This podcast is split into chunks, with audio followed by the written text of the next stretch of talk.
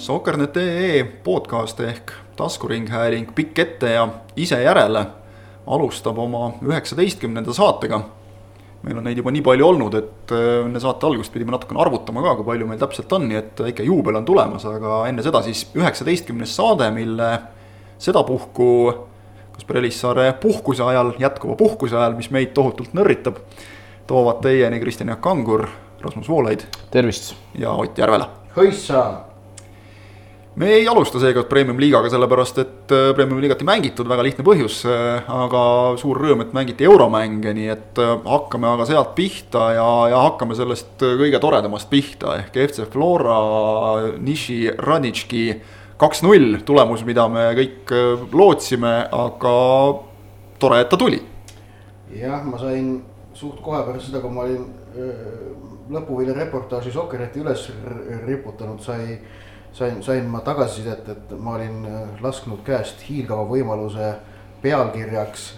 FC Flora leidis lõpuks oma niši et. Äh, tunnistad seda viga või? jah, see, see lasin käest jah, ei tulnud isegi pähe säärane pealkiri, pean tõdema ähm,. aga, aga jah, kaks-null võit siis äh, Nishi Radnitški üle annab kahtlemata Florale kordusmängu eel head võimalused edasi pääseda ma, ma veel väga headeks seda, seda ei, ei klassifitseeriks, sellepärast et noh, kordusmäng Serbias ei ole kunagi midagi lihtsat. Äh, ja, ja noh, seal on ju ütleme, ei, ei, ei ole üldse väga ebatõenäoline, et see mäng võib minna lisaajale. kui noh, et, Radnitški kaks-null näiteks kordusmängu võidab äh, et, et kõik need variandid on nagu olemas ja õhus, aga kahtlemata Flora on asetanud ennast äh, väga heasse seisu. sellepärast, et noh, pole vist minu arust kunagi varem eurosarjas ka avamängu kahe väravaga võitnud, et, et see on ka esimest korda neil, neil säärane asi juhtunud. ei meenu Eda, küll. edasi on niikuinii, edasi on nad niikuinii ainult ühe korra saanud, on ju. Eh, nii et, nii et selles mõttes eh, noh, tulemuse mõttes on see olukord see, nüüd Flora esitus on tegelikult äh, kusjuures pärast seda Flora mängu seal nagu ajakirjanikega omavahel rääkides, siis sai, jäi nagu kõlama, et Flora tulemus oli tegelikult isegi parem kui esitus. mis on omakorda jällegi kvaliteedimärk, kui võistkond suudab, ütleme esitusest parema tulemuse välja pigistada, kui see esitus vääriks. ehk et Flora esitus ja ütleme, ma, ma olen selles mõttes nagu nõus, et pigem oleks õiglane tulemus olnud Flora üheväravaline võit äh, aga, aga et suudeti võtta seal kaks-null, noh, Konstantin Vassiljevi meisterlikkus on selles äh, väga olulisel kohal.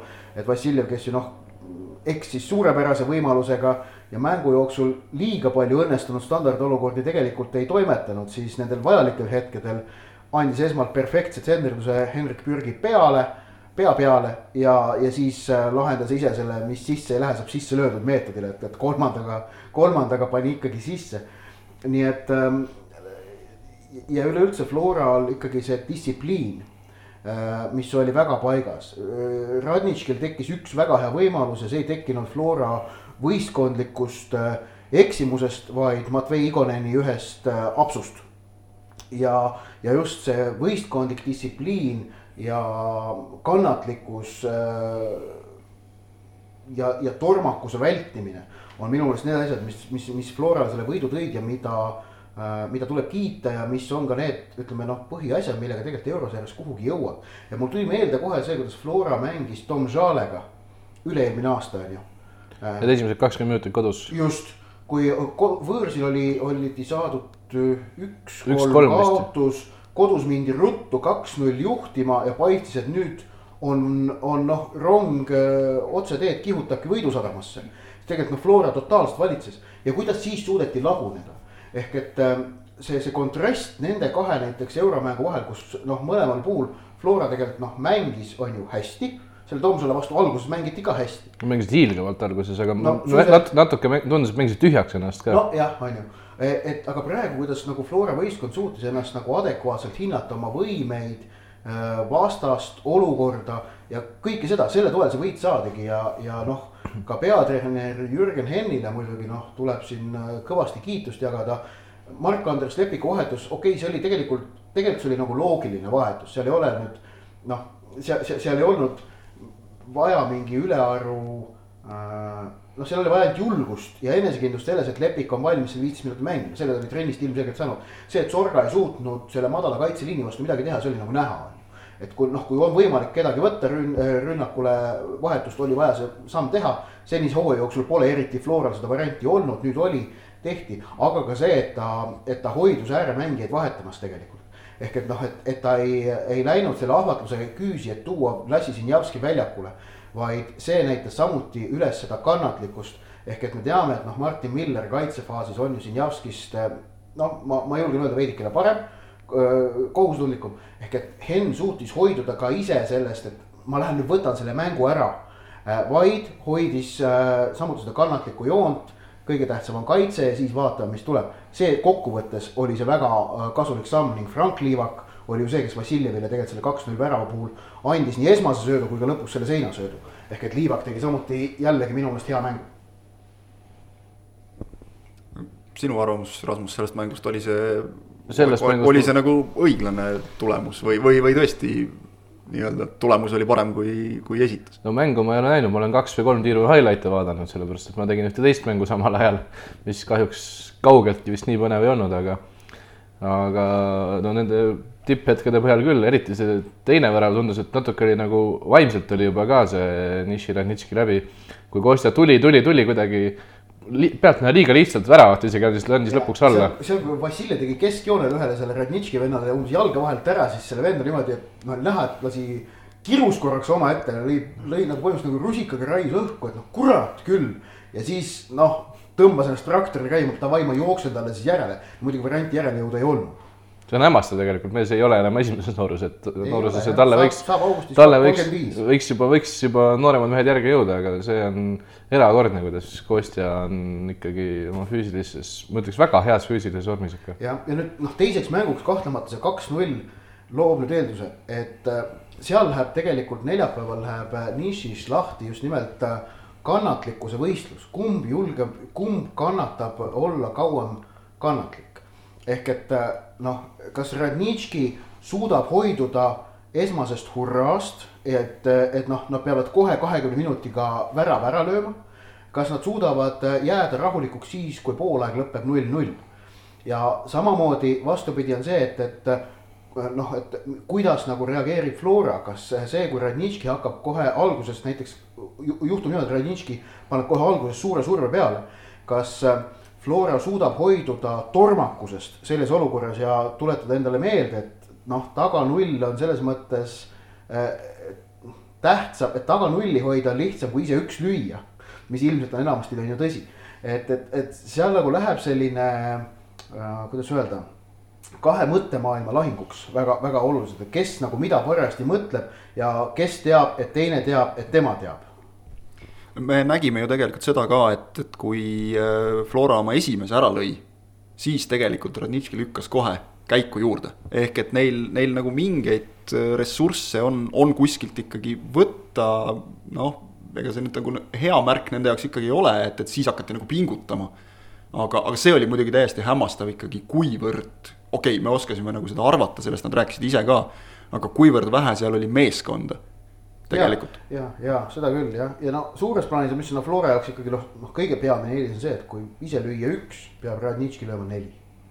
et see võõrsil löödud värava reegel pärast kodus kaks-null võitu on, on väga tugev relv aga nagu sa ütlesidki, et see on täpselt see julguse küsimus, et kas me läheme seda lööma, riskime sellega, et, et meile pannakse, et noh, alguses kindlasti kaitses seismine on tähtis. teises mängus see, kui Radnitški mängib kõrgema kaitseliiniga ja üldse ennast kõrgema survestades, siis see tegelikult sobib Sorgale rohkem Sorga kindlasti alustab seda teist mängu ka, noh, seal ei ole küsimustki, et Lepik nagu on öeldud ka, et ta on viieteist, kahekümne minuti vormis. aga Sorgale see, kui ta saab ka joosta palliga või üldse joosta sinna kaitseliini taha, see sobib talle rohkem. et eks näis. aga, aga üldiselt muidugi jah, et noh, nagu ennem sai öeldud, et Flora, selle Flora Levadia mängu järel, et tundub, et Flora on eurosarjaks hästi valmis ja oli ka. ja oli tõesti igatpidi valmis, oli, oli valmis nii füüsiliselt, oli terav oli valmis äh, taktikaliselt, sest et oli, oli nagu noh, plaan oli selge, äh, adekvaatne. Ja, ja oli valmis ka, ka vaimselt ehk et noh, oli näha, et terve võistkond oli väga täpselt häälestatud, mitte keegi ei langenud ansamblist välja. see oli, see oli kõva. Kui me nüüd räägime kaitses seismisest ja häälestatusest ja, ja kõigest sellest, siis äh, läheme me Euroopa liiga juurest meistrite liiga juurde, läheme Nõmme Kalju juurde ja noh, ei, ei olnud hea mäng, ei saa öelda, et oleks olnud halb plaan otseselt. oli suht ainuvõimalik minu meelest. jah, plaan oli loogiline, aga see ütleme, et seda, seda plaani nüüd ka ellu ei viidud võib-olla kõige paremal moel, sest et teisel poolajal vajus Kalju oma mängus ikkagi Skendia vastu väga madalale, väga varakult. sinna nagu jäädigi sealt välja, õieti ei saadud vajuti, ja, ja sealt tuli. Eh, ma väidan seda, et vajuti ära, elati see surve üle, mis Skendia teise poole ja ütleme, esimese kahekümne viie minut, kahekümne, kahekümne viie minuti jooksul peale pani. ja siis tegelikult mäng oli muutunud umbes seitsmekümnendast minutist võrdseks, üpriski Äh, kummalgi enam võimalusi otseselt ei olnud, aga noh, selliseid no ütleme noh, rünnakuid said mõlemad mängida, isegi Kaljul oli minu arust üks-kaks positsioonirünnakut. aga siis tuli jah, see, see penalti, mis tuli noh, no Andrei Markovitš väidab siiamaani, et tema ei tea midagi, tema ei teinud midagi. minu loogika ja, ja Kalju oli ka pärast mängu nördinud, et kuidas sealt saab penalti tulla. Eurosarjades ütleme sellisel ülikaalukates mängudes on väga lihtne, ei tohi anda kohtunikule võimalust ka selline otsus teha me ei saa öelda praeguse noh, materjali peale, kas otsus oli vale või õige, aga ei tohi anda kohtunikule võimalust seda otsust teha. ja, ja Markovitš selle, selle paraku andis ja noh, see tegelikult sinna need Kalju edasipääsu võimalused ka läksid, sest ma ei, ma ei usu mitte kuidagi, et nad homme suudavad Makedoonias no, ilmselt väga kuumas ilmas Skendia vastu noh, edasipääsu võtta, ainukene variant on see, et seistaksegi seal kaheksakümmend minutit kaitses, siis õnnestub kontra pealt Liliul üks ära torgata. see on nagu ainukene variant, aga noh põhjust arvata, et, et Kalju suudab Skendia vastu nulli hoida, on selle eelmise teisipäeva mängu põhjal minu, minu jaoks kahjuks väga-väga väikene tõenäosus. jah, Kalju esimesel poolel, ma arvan, see plaan toimis palju-palju paremini, siis olid nagu paar reaalset kontravõimalust, lisaks sellele Liilu võimalusele oli seal Kaspar Pauril oli väike, väike šanss ja, ja nii edasi, et et kui siis mängiti, et seisame taga ära ja ootame omi võimalusi, siis need tekkisid ka, aga teisel poolajal no need jah, siis kui see mäng nii-öelda võrdsustus, siis ma ütleks, et võib-olla võrdsustus, aga tegelikult võimalusi ju, võimalusi poegasidki ei tekkinud ja kas, kas mõned tõrje pidi väravat tegema peale selle Lilju üks-ühe ära, ära klaarimise, et noh. väga vist mitte jah. suhteliselt vaba päeva sai see mees. Kalju, Kalju sai ju tegelikult mõned standardolukorrad, nurgalöögid, aga nendest ei suudetud ka midagi tekitada, et see oli ka nagu no, kõige, kõige ohtlikum võimalus oli teisel poolel ju see, mis oma, pärast väravat tuli see oma, omal oleks peaaegu lükanud mm -hmm. üle lati, et noh siis, siis ärgati tegelikult, pärast väravat ärgati, et noh, need kuus minutit ju põhimõtteliselt võiks ju anda optimismiks põhjust, aga aga ma kardan, et ainult Kaljule ja Kalju fännidele. Ehk siis noh, tegelikult oli selline Kalju selle hooaja suhteliselt tüüpiline mäng, kahjuks. pigem on, kui nad on teinud häid esitusi, nagu näiteks Lillekülas Flora vastu, kui üks-null võideti, siis, siis on see pigem olnud erand, võib vist öelda. ma endiselt ei ütle, et see Kalju esitus olnud halb. noh, hea ta ka ei olnud, aga ta ei olnud halb Äh, aga, aga. säratu, ütleme siis nii. see, et, et Kalju, säratu jah, on üks õige sõna, tegelikult ka kui Kalju võitis seda Florat üks-null, siis see võideti kaitselahinguga. Ehk et äh, Kalju sel hooajal ei suuda mängul natist kinni võtta. seda nad ei suuda isegi väiksemate vastu ju. jah, ei suuda mängul natist kinni võtta ja, ja selle, selle niimoodi enda, enda, enda alla allutada ja see noh, jõuliselt maha murda, seda vaata Kalju ei suuda ja noh, kui nad ei suuda seda Eestis, siis on päevselge, et nad ei suuda seda ka Euroopas. ehk et kui tõenäoliselt ootab neid teises ringis ees, noh, kui ootab see, kui, kui läheb niimoodi, et tuleb see Luksemburgi klubi Tudelange vastu, siis on muidugi noh, pekkis. sest ma arvan, et nendel on noh, see Tudelange on, on ikkagi kõva, kõva sats. Valletta vastu oleksid ilmselt nagu võimalused veidikene paremad, ütleb loogika. aga noh, ka mitte tingimata, et noh, et, et, et noh, et ma ei usu, et ka seal, kes iganes seal Euroopa liiga teises eelringis Kaljule vastu tuleb, on see Luksemburgi või Malta meister. ma ei usu, ma ei usu, et ka tolles mängus Kalju äh, suudab domineerida. Vaid ka nendes, selles, tolles paaris, kuigi noh, võimalus kahtlemata edasipäevaks on seal olemas, ükskõik kes seal vastas on. et Kalju peab püüdma ikkagi väga selgelt kaitsest lähtuva plaaniga, umbes sellega, millega nad Florat üks-null siin juuni keskel võitsid. mulle tuleb meelde, see oli vist Võõrsil Tammeka äh, ja Kalju fännidel on oma, oma see Facebooki külge, nad panid sinna postituse, et äh, Läheme Euroopasse saunapidu, paneme vih-, vihad sooja, saunapidu ootab, et tabeli kuuenda vastu kolm lööki raami või mingi, mingi selline, et noh. Läks ise käest ja sauna ei tulnud. ja ei, selles mõttes Kosohovski minu meelest, noh, ma ütlen endiselt, Roman Kosohovski taktikaline plaan tolleks mänguks oli minu arust ainuvõimalik. ta hindas reaalselt oma võistkonna võimeid ja vastase kvaliteeti ning koostas sellest lähtuvalt plaani. noh, väga palju puudu ei jäänud, et see plaan oleks õnnestunud. null null viigiga me kiidaksime kõvasti praegu Kaljut. ja, ja, ja, et väga palju puudu ei jäänud, aga noh, natukene ikkagi jäi. Rasmus, sinul oli privileeg erinevalt meist äh, näha ka Narva Transi euromängu. et, et skoori järgi noh, nagu vaadates. sa oled kindel, Kristjan, et see oli privileeg, äkki oli kohustus? mina ei näinud Flora mängu ja nägin Narva Transi mängu, see ei kõla privileegina. see noh, jah võib-olla võid ka tajuda teatavat iroonia, iroonia nooti mu hääles, aga, aga see selleks. Prantsuse revolutsiooni ajal oli ka paljudel, paljudel noh, ütleme royalistidel oli olla privileeg eh, giljotiini eh, see katsejäles selle peale tuleb mulle meelde see ütlus, et ka poomisega harjub ära, kui piisavalt kaua rippuda, aga aga ühesõnaga lähme nüüd jalgpalli juurde tagasi, et sa nägid seda mängu ja, ja noh, niimoodi mulle nagu skoori pealt vaadates tundub, et, et noh, natuke nagu õnnetu, õnnetute juhuste rida, et, et kõigepealt suhteliselt kiire avavärav lasta endale kahjuks Marko Meritsa eksimusest selgest, mida ta ka ise tunnistas täiesti ausalt. kiitus sellegi eest. Ja, ja noh, siis teine tuli vahetult mängu lõpu eel, noh, see teine värav ilmselt nullis ikka täiesti lõplikult Transi lootused või kuidas mängupildi põhjal, mida öelda? no esiteks ma kiidaks meid, et me, kui me rääkisime Transi võimalustest, siis me rääkisime Erik McCuutsist ainult, mitte, mitte millestki muust ja me panime sajaprotsendiliselt äh, Andrei Sjomini mänguplaaniga täppi, ühesõnaga nende kogu Transi mänguplaan oligi see, et ainult Erik McCuutsi peale pikk pall ette ja. kiirus jah? Äh, kusjuures isegi kiirusega ta jooksma ei saanud, äh, kuna kaitsjad olid väga hästi tal küljes ja ja mängisid nagu väga õigesti tema vastu, aga väga ju palju. olid ka meie saadet kuulanud siis ja teadsid, kust tullakse. ta jooksma ei pääsenud, talle pandi väga palju palle kehasse, ta võitles jubedalt äh, ja see üks võimalus, mis tal tekkis, oli ka põhimõtteliselt mitte ükski teine transi mängija poleks suutnud seda pealööki teha sinna latti, kuna, aga temal lihtsalt see põrge oli, on nii meeletu jalas ja hüppas isegi väravahi põhimõtteliselt üle. aga kahjuks ei läinud võrku, vaid läks latti. Aga sellest õnnetust, õnnetustest juhustest rääk-, juhustest rääkides, siis äh, ma ütleks lihtsalt, et kuna Pudutsinostil ei olnud mitte midagi muud vaja teha, siis äh, me ei saagi rääkida mingisugusest domineerimisest, kuna juba kümne-viieteist minutiga ju see Meritsa viga tuli ja nad üks-null seisuga olid täiesti rahul. Äh, nad, nad isegi ei jahtinud seda, jahtinud seda teist tegelikult, aga, aga teine oli ka Transi enda kingitus ja no, sealt ta tuli. selle, sellega, selle mänguga oli täpselt nii, läks nii nagu arvata oli aga nüüd mul noh, lihtsalt sinu praegu jutu peale tekkis mul küsimus, et huvitav, kas nagu Erik McWoods suudab Euroopas jalgpallurina mingil määral siis läbi lüüa. ehk et teha sellest transist noh, sammu või tegelikult pigem kaks sammu edasi eh, või mitte, et see on nagu huvitav äh, asi, mida jälgida üldse Narva Transi puhul, ma arvan, sel hooajal. sellega on keeruline on see, statistikat tal ju ei ole tegelikult mm. -hmm. tal on ju ainult paar väravat kirjas, aga et kui palju vaadatakse tema, noh, kindlasti vaadatakse, kui teda tahetakse, aga aga kas tema, tema see videoklipp nagu läheb läbi kõigist teistest? esimene samm on see, et, et kas äkki Levadia või Kalju tahab teda endale järgmiseks hooajaks?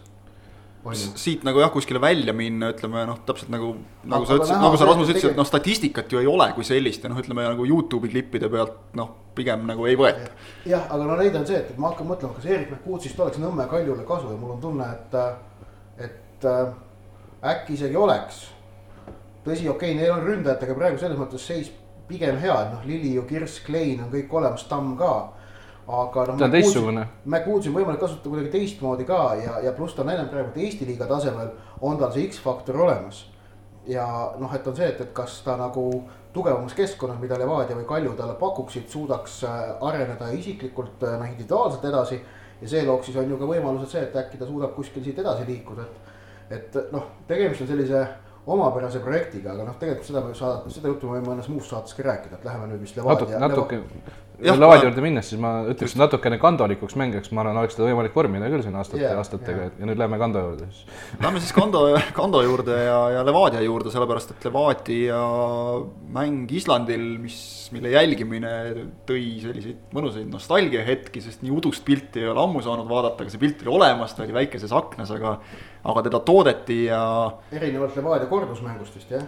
jah, vist, vist küll jah, minu teada ei näe me seda muud moodi keegi kui staadionile minnes uh. -huh. aga noh, mine tea, mäletame, et Kalju oma ei pidanud ka nägema ja siis Škendi ja mehed korraldasid asja ära, nii et kiitus neile, aga ühesõnaga Levadia mängust noh, nii palju, kui seda sealt näha õnnestus, siis ütleme, et õnne vist oli ikka tegelikult päris kõvasti, arvestades seda, et õnnestus lüüa võõrsil värav, mis jätab ikkagi tegelikult ju kordusmänguks päris head lootused yeah.. õnnestus mitte lasta rohkem kui kaks.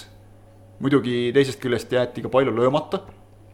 ja, ja noh, loomulikult me ei saa vist üle ega ümber sellest, et Sergei Leppmetsa selline hulluse hetk ise, ise korraldas, ise lappis, aga noh, selliseid asju nagu euromängus teha, et, et sa oled palli sülle püüdnud ja siis sulle mittemeeldivat vastast minna lihtsalt öö, oma karistusalas jalaga tonksama. täpselt nagu sa ütlesid selle eelneva jutu sees, et, et ei ole vaja anda selliseid võimalusi lihtsalt mm, -hmm. nagu Markovitši käega mäng, et noh, loomulikult kohtunik annab selle koha pealt penalti ära ja, ja noh, okei okay,, Leppmets oli ise tubli ja tõrjus selle penalti, aga aga ütleme nii, et, et Levadia kõndis päris noateral ja, ja tuleb tagasi siiski enam-vähem nagu tervena. tuleb muidugi jah, kodus üks-null ja oled edasi. selles mõttes ja noh, ütleme võõrsilt üks-kaks kaotus eurosarjas harva, kui see on halb tulemus. Et, et ta noh, nii see lihtsalt on, et, et see on, see on harva, kui see on halb tulemus, et pigem on ta alati selline noh, enam-vähem rahuldav tulemus kas ma mäletan õigesti, et Kalju samamoodi alustas eelmine aasta oma eurohooaega samas kohas ja null kolmega või? just täpselt. ütleme, ütleme nii, et noh, null kolm on märkimisväärselt halvem tulemus kui üks-kaks. nagu, nagu me saime ka teada pärast Kalju mängu, et, et kui oleks jäänud null-null, siis oleks see parem kui null-üks kaotus. ja see on tõsi, et et ähm, noh, Levadial on seis, ma arvan, väga lihtne, et noh, võidukohustus, kodus on, on see, see edasipääs noh, antud olukorras ei ole nagu vabandust või põhjust, miks Levadia äh, ei peaks edasi pääsema. tähendab, äh, on olemas objektiivsed äh, noh, põhjused, see on puhtalt nagu noh, nagu spordis ikka, et vahest võidad, vahest kaotad, aga. Sometimes lose but always win öeldakse õigustust arvestades seda, kuidas võistkonnale, mis, mis on võistkonnale seatud ootused ja eesmärgid ja neile loodud tingimused siis sellist õigustust mitte edasipääsemisele pärast esimeses mängus saavutatud sellist tulemust ei ole. et äh, Levadia peabki siit edasi minema, kui nad ei lähe, nad on põrunud. Kui ei lähe, kas järgmisele liigamängule üldse läheb vastu peatreenerina Aleksandr Rogic? vastu ta kindlasti.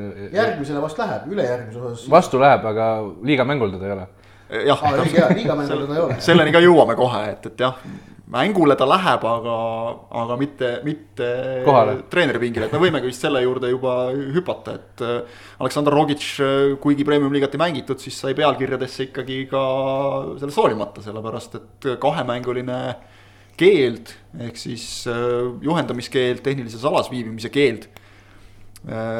noh, paljude meelest väga ebaõiglane, et, et mees ütles ausalt välja selle, mida peab välja ütlema jutt siis käib, kes, kes tõesti nüüd on silmaklappidega. mitte mingit probleemi, kui ta oleks öelnud, et kohtunik oli väga halb. Äh, mida on ka korduvalt öeldud. vilepartiile ei ole õigustust. Äh, säärane vilepartii on häbiks Eesti jalgpallile et kui ta midagi sellist ütleb, ei ole nagu probleemi, kuigi noh, ma ei ole nagu tingimata ma ei pruugi sellega nõus olla ning ma rõhutan ma ei ole, ma ei ole, mina ei ole siiamaani näinud nagu mingit kaadrit, mis mulle kindlalt ütleks, et Tarajevi otsus tollest olukorrast penalti anda oli vale.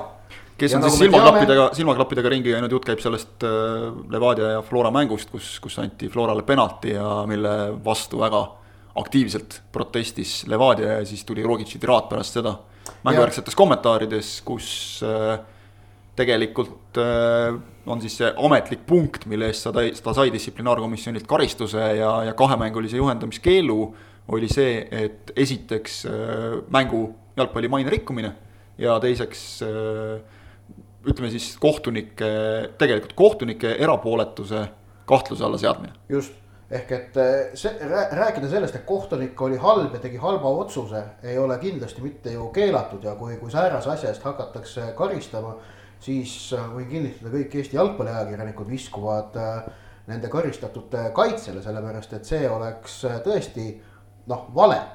aga see no,, aga, aga viga on see, no tähendab, okei okay,, seal on mingid piirid, et noh, kui sa hakkad, on ju, ma ei tea, rüvetsema või ropendama. oleme täpsed, on karistatud, on karistatud sellisel juhul rahatrahviga, mis okei okay,, ma saan aru, Eesti klubidele ka paar-kolmsada eurot on tegelikult päris suur trahv aga karistatakse just siis, kui on ikkagi noh, väga otsene räige solvang, aga mitte juhendamiskeeluga.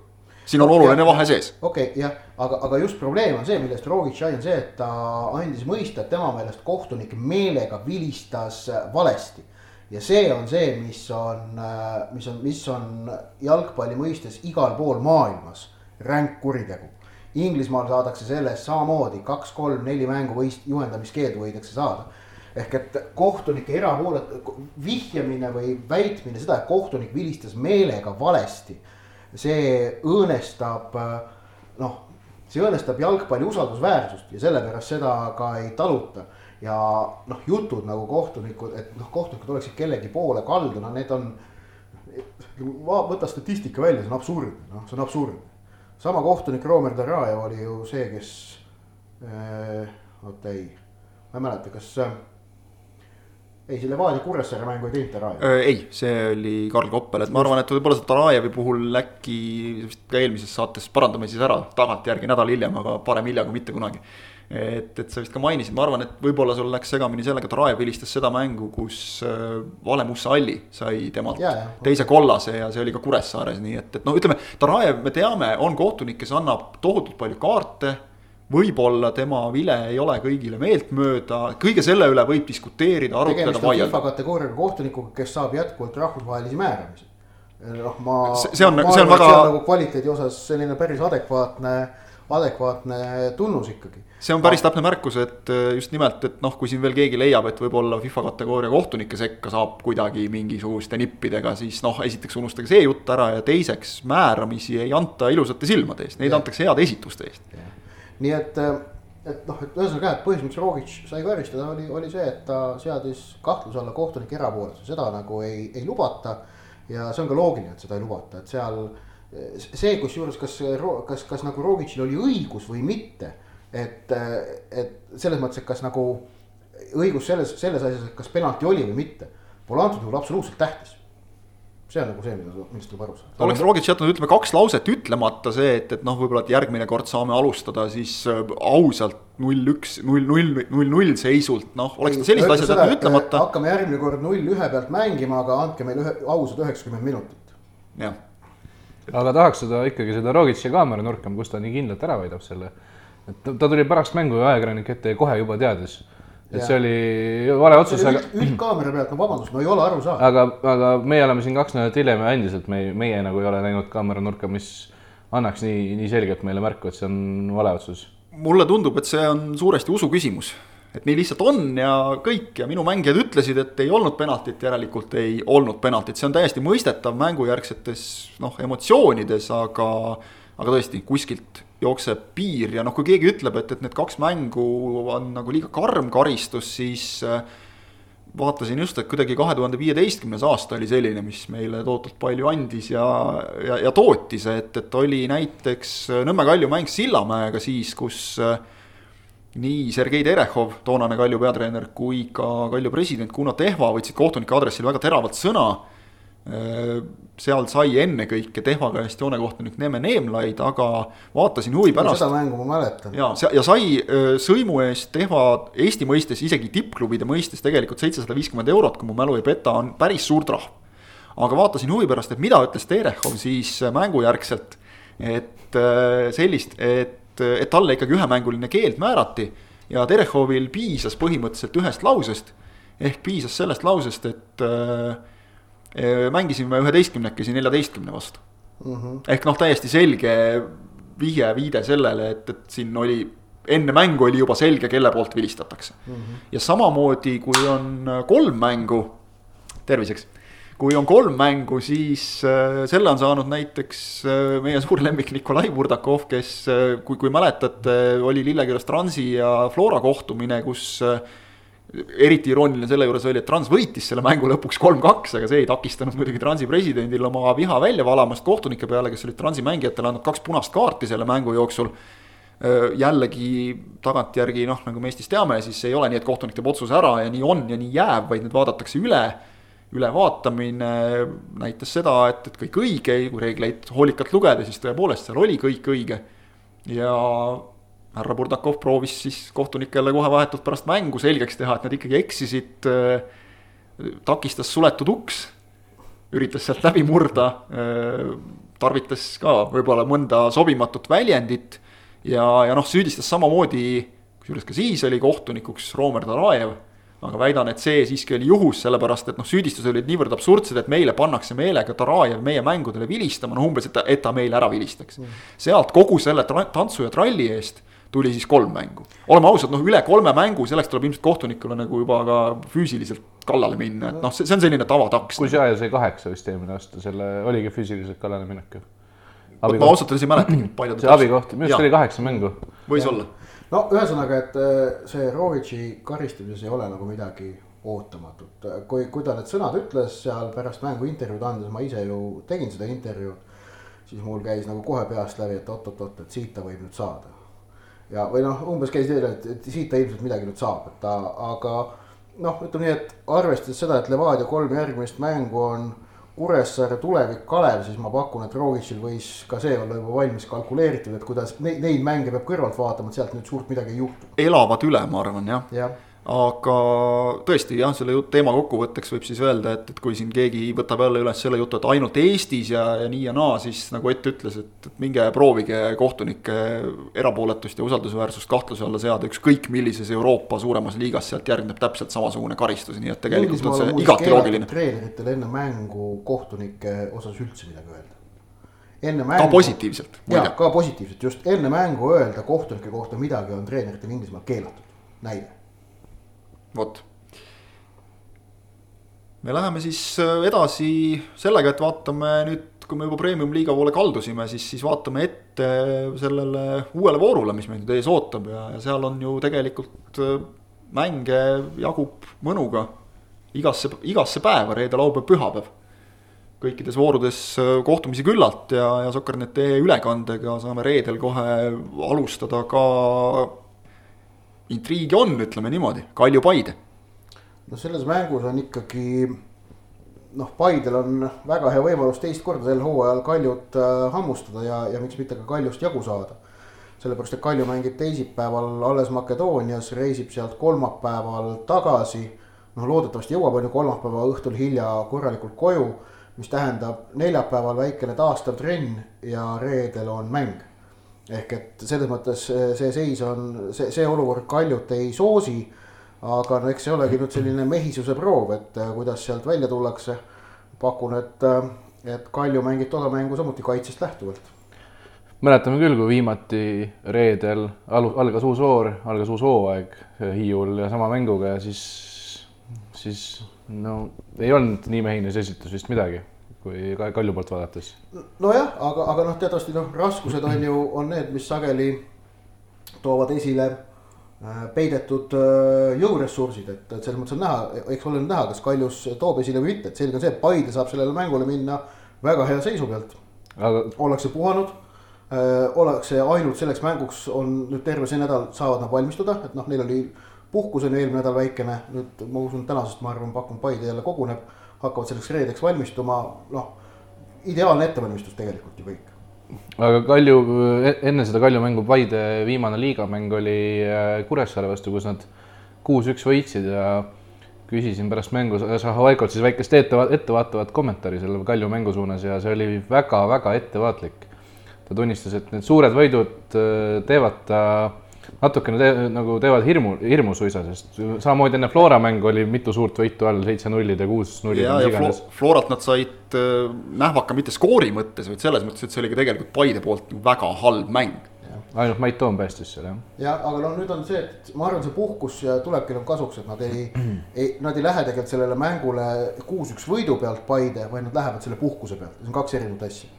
aga, aga edasi vaadates siis on ju laupäeval Äh, Tammeka Kalev, noh, Tammekal kohustuslik võidukoht, äh, võimalus tõusta tegelikult ju tabelis viiendaks. No, vähemalt reaalaja tabelis kindlasti Transist mööda ja arvestades, et päev hiljem Trans võõrustab tulevikku, siis miks mitte ka päriselt, on ju. ja, et tulevik on ju ühe korra juba võtnud võidu Transilt Narvas, nii et kõikvõimalik ja noh, tulevik on võib-olla üks, üks huvitavamaid meeskondi, keda just hetkeseisuga jälgida, sellepärast et. et, et sinna on päris palju päris, päris huvitavaid mehi lisandunud nüüd siin suvises aknas, nii et, et, et kindlasti jah, noh jällegi mõned mehed ju võtavad koha ära või, või tahavad kohta ära võtta, nii et Sander Postil on nüüd vist sel hooajal esimest korda nüüd selline väike nagu luksusprobleem, et keda ma mängitan, sest et seni on olnud põhimõtteliselt nii, et noh, kogu aeg on, käib noortega lappimine vähemalt mingil positsioonil, et, et noh, tulevikul ülioluline täiendus. kolm Aafrika meest ka juures, jah. ma neid mõtlengi just jah, et, et sealt, sealt nagu noh, on, on, ütleme, Eesti klubid on aru saanud, et sealt, sealt saab nagu lisada ressursse endale. jah ning pühapäeva õhtused mängud Kuressaare Levadia ning Flora Maardu, et noh, Flora Maardus, sealt ma ei usu küll mingit üllatusvarianti. kuigi Jasper. Ei, ka, ka mitte seda. palju ta nüüd karikas lõi? aga Kuressaare äh, karikas lõi, karikas lõi viis, nii et esimese kahekümne kahe minutiga Jasper pani äh, karikamängus äh, neli tükki, nii et, et noh, tal.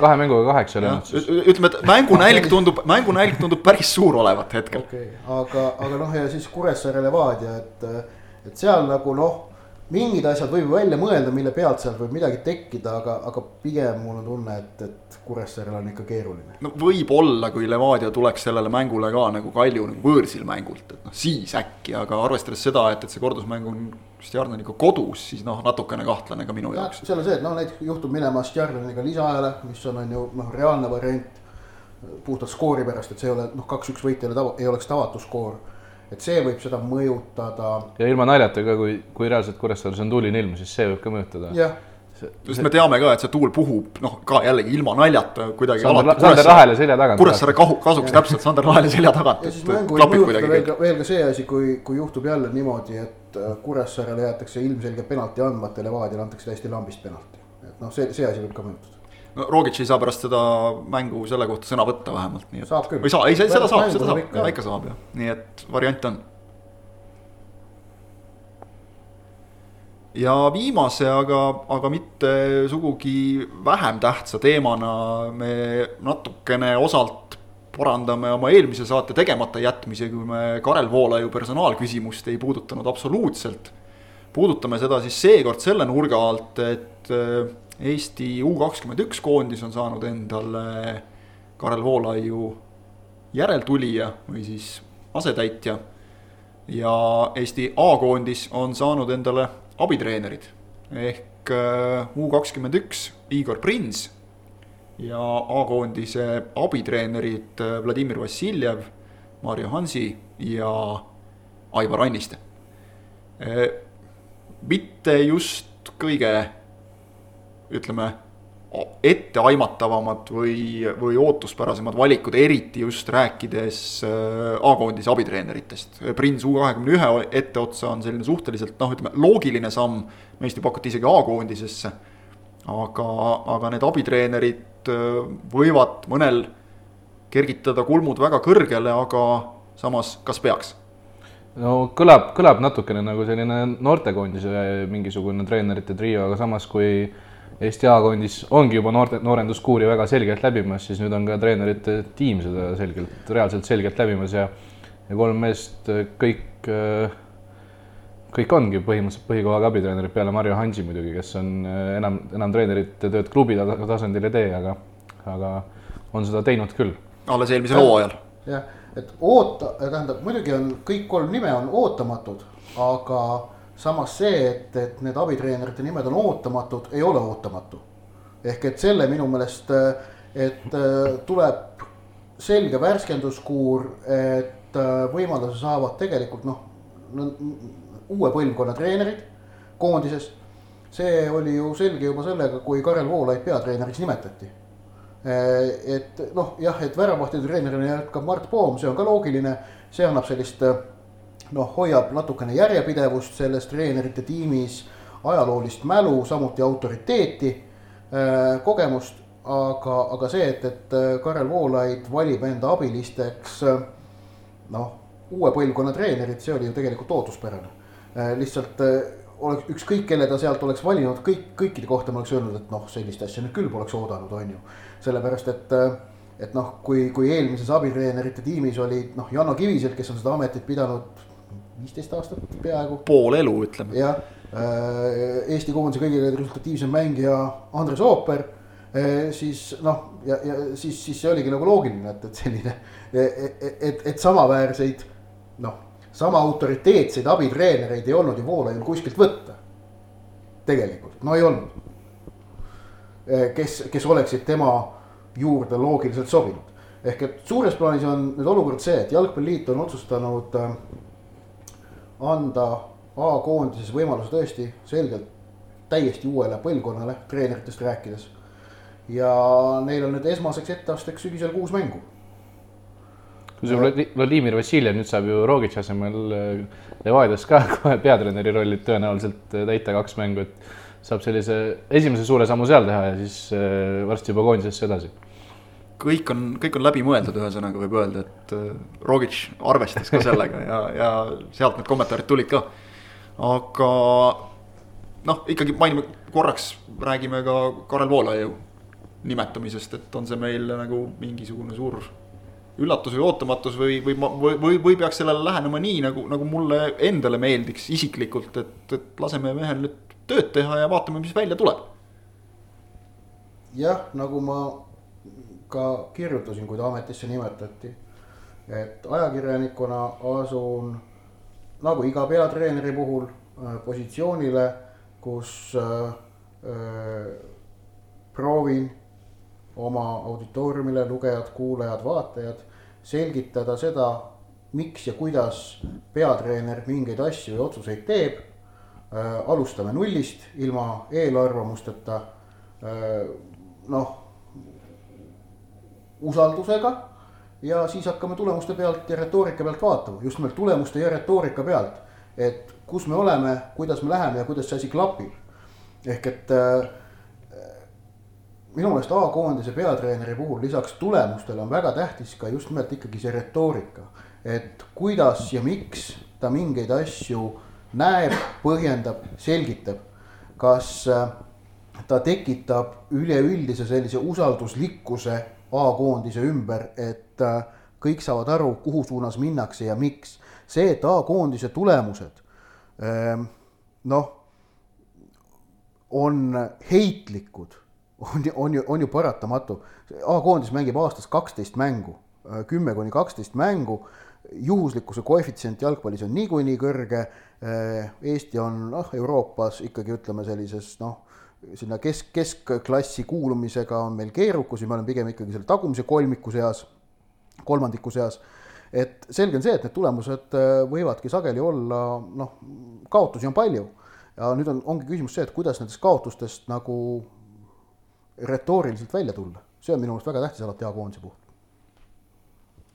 ja Igor Prins U kahekümne ühe treeneriks on, on vist äh, tegelikult ütleme suhteliselt loogiline käik, arvestades seda, et äh, Prince'il on kuidagi Eestis ilmselt sellest Levadia ajast jäänud külge mingi selline silt, mulle tundub, osade silmis, mille üle ta on tegelikult ka nagu ise kuidagi kas ka omavahelistes või lausa siis tõesti nagu avalikes vestlustes natukene sellist kurbust või, või kahjutunnet väljendanud, et, et justkui ta ei, ei, ei tahaks nagu noh, väga noori mängitada, see ilmselt oli tingitud lihtsalt sest Levadias valitsevast. esimesest Levadia ajast. esimesest Levadia ajast, just edu. ja ka Nõmme Kalju ajast, aga mis on väga le..., väga selgelt edule ja, suunatud. aga tema meeskond. teine Levadia ametiaeg oli juba hoopis teistsugune ning noh, suures plaanis Igor Prins U kakskümmend üks koondise peatreeneril tähendab seda või noh, asi on see, millest, mida tasub tähele panna, on see, et eelmised kaks U kakskümmend üks koondise peatreenerit, nende järgmine töökoht oli A-koondise peatreener. ja kes oli Karel Voolaiu järel eestlastest tõenäoliselt teine A-koondise peatreener oligi Igor Prins ju, või noh, nii-öelda pakuti teda teisena Karel Voolaiu kõrvale.